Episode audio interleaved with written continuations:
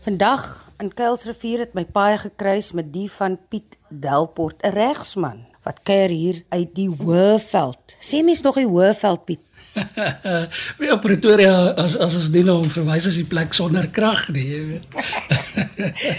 So, jy's 'n regsman. Hoe beland jy toe in die wêreld van arbeidsreg?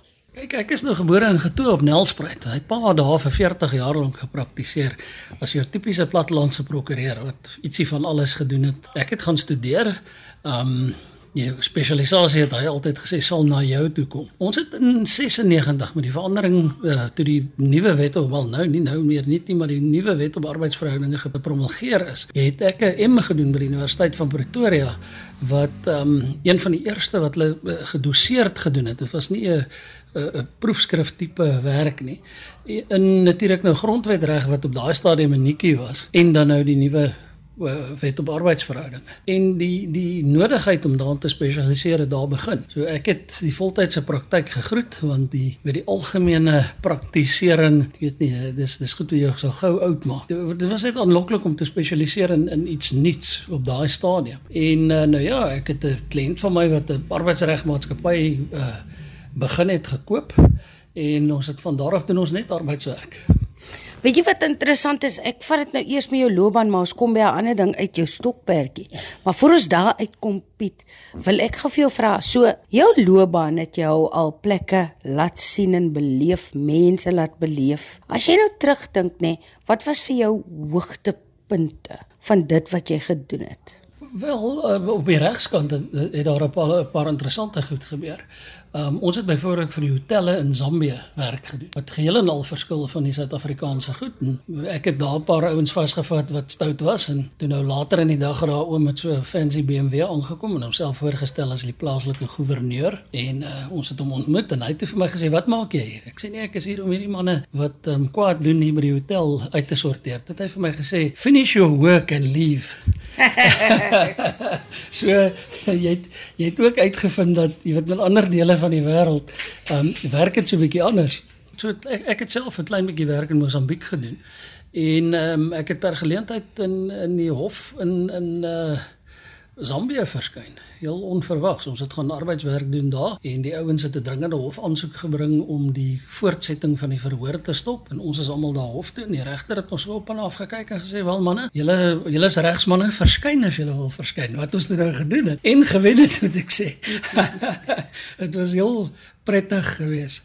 So die Ja, kyk, die arbeidswerk aan die begin was ehm um, jy weet so bietjie soos in die cowboy flicks. Ehm um, jy weet die die die gunfight het okay koraal. Wie skiet eerste? Het baie verander oor die jare. Die wetgewing het baie meer ingewikkeld geword. Ehm um, baie meer wetgewing wat jy moet in oorweging neem en natuurlik jy weet die latere stigting en operasie van goed soos die CCMA wat hmm. wat 'n baie sterker administratiewe rol in die in die in die regsgoed gespeel het wat betref uh hoe die arbeidswêreld werk en wat die uitkomste dis moontlik sou wees van waar mense ontslaan word of uit diens gestel word of daar gehandel word met hulle vermoë om werk te doen of nie. Die Suid-Afrikaanse mark wat dit aanbetref het maar 'n baie slegte internasionale reputasie. As jy nou met die Noord-Europeërs of die Amerikaners werk, as dit by sulke goed kom, jy weet, hulle sê net vir jou staan op 'n weg as jy. Daar's dit maar 'n kwessie van die ou wat die werk verskaf, besluit of jy daar bly of nie en aan einde van storie. Terwyl hier by ons die judisiële proses gekoppel daaraan, ehm um, werk daarom so 'n bietjie anders. Ek wil weet, hoe word 'n regsman toe nou 'n man wat messe versamel? Jy het glo oor die 500 messe. Kyk, ek het uh aan aan 'n kindsbeen by by by by my pa geleer jag. Um, ek vra nou die dag het 'n kliënt vir my gevra, "What did your father teach you when you were 5?" Toe toe sê ek vir nou, "How to hunt." Toe toe sê nou wel my father taught me about international trade agreements. Dis ek wel dan is ons 'n bietjie agter daar maar uh, ons ons doen meer goed soos jag en visvang en ons uh, jy weet opereer 'n bietjie in die natuur, ry met viertrek voertuie en die soort van goed. My pa het 'n enorme jaggeweer versameling gehad met sy dood in 2001 en ehm um, uh, dit was nogal 'n storie geweest om van die klomp gewere ontslae te raak. Uh, selfs toe al was die lisensiering nogal 'n ding geweest. Nou ek het maar vroeg in die wedstryd 'n liefde aangekweek vir die handgemaakte messe. Nou ek sou self die goed gemaak het as dit nie was vir die feit dat ek 10 duime het nie. As ek 'n mes moet probeer maak, sal ek in die hospitaal opeindig. Men in daai speletjie begin maar altyd dieselfde. Jy jy versamel vaste lemmesse normaalweg. Jy weet soos Rambo, die grootstes. En dan vind jy uit nee, maar dis 'n stupid manier van doen. Ehm um, ja, daar is ouens in Suid-Afrika wat mooi vaste lemmesse maak, maar dis nie waar die uh, versamelbaarheid dink ek lê nie.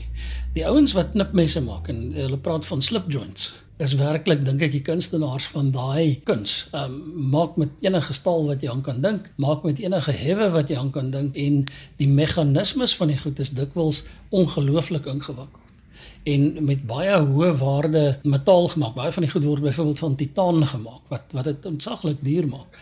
Die Suid-Afrikaanse mesmakers wat suksesvol is, ehm um, verkoop ook daai messe vir vir eerste klas geld. Ehm um, jy moenie verbaas wees om iewers tussen 600 en kom ons sê 1200 Amerikaanse dollar vir 'n ordentlike slip joint tipe mes te betaal nie. Yesie. En jy weet ek kuier nou hier deur die Kaap by julle. Ek het uh, bo Weskus omgekom en ek gaan tuinroete om terug. En ek het 'n spesiale punt gemaak om op Holemoor te stop.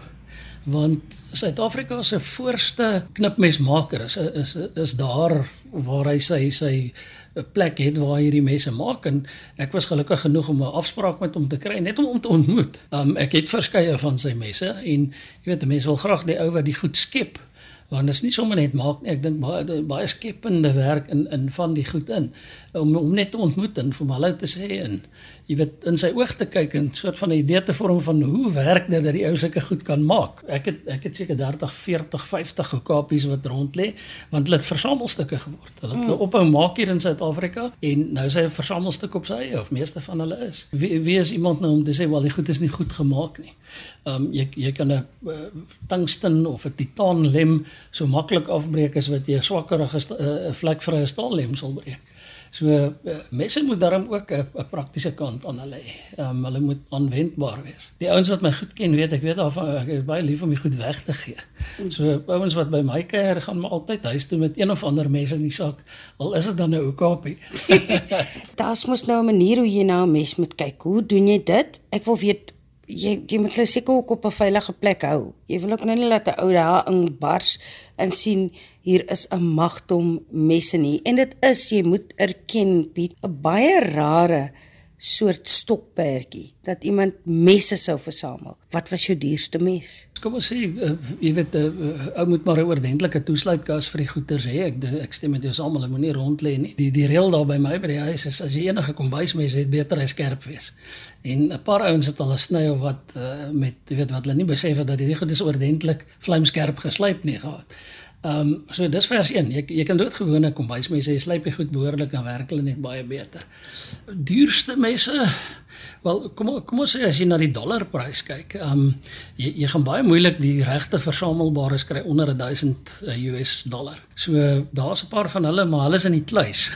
jy wil nie hê iemand moet toevallig een van hulle wegdra, breek of een of iets onverantwoordeliks met die ding aanvang nie. So van die wat werklik versamelbaar is, ehm um, sal maklik ehm um, 'n uh, uh, prys bo 1000 dollar. Die Suid-Afrikaanse mesmakers is uiters goed uh, vergelyk met die met die met die internasionale ouens.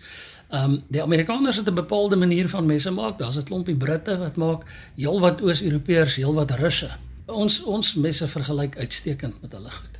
Nou goed, ons kom miskien uit 'n fase uit waar die Suid-Afrikaners begin ophou om vaste lemme te maak en meer spesialiseer in die meer ingewikkelde patrone. Ehm um, maar daar's van ons ouens wat wat knipmesse maak wat uiters versamelbaar is. En en uh, jy weet daar's 'n paar legendes. Ehm um, uh, ou soos Chris Reeve het byvoorbeeld vir die Amerikaanse weermag 'n hele reeks ehm um, redelike groot messe ontwerp. Sy knipmesse die Sebenzas is legendaries.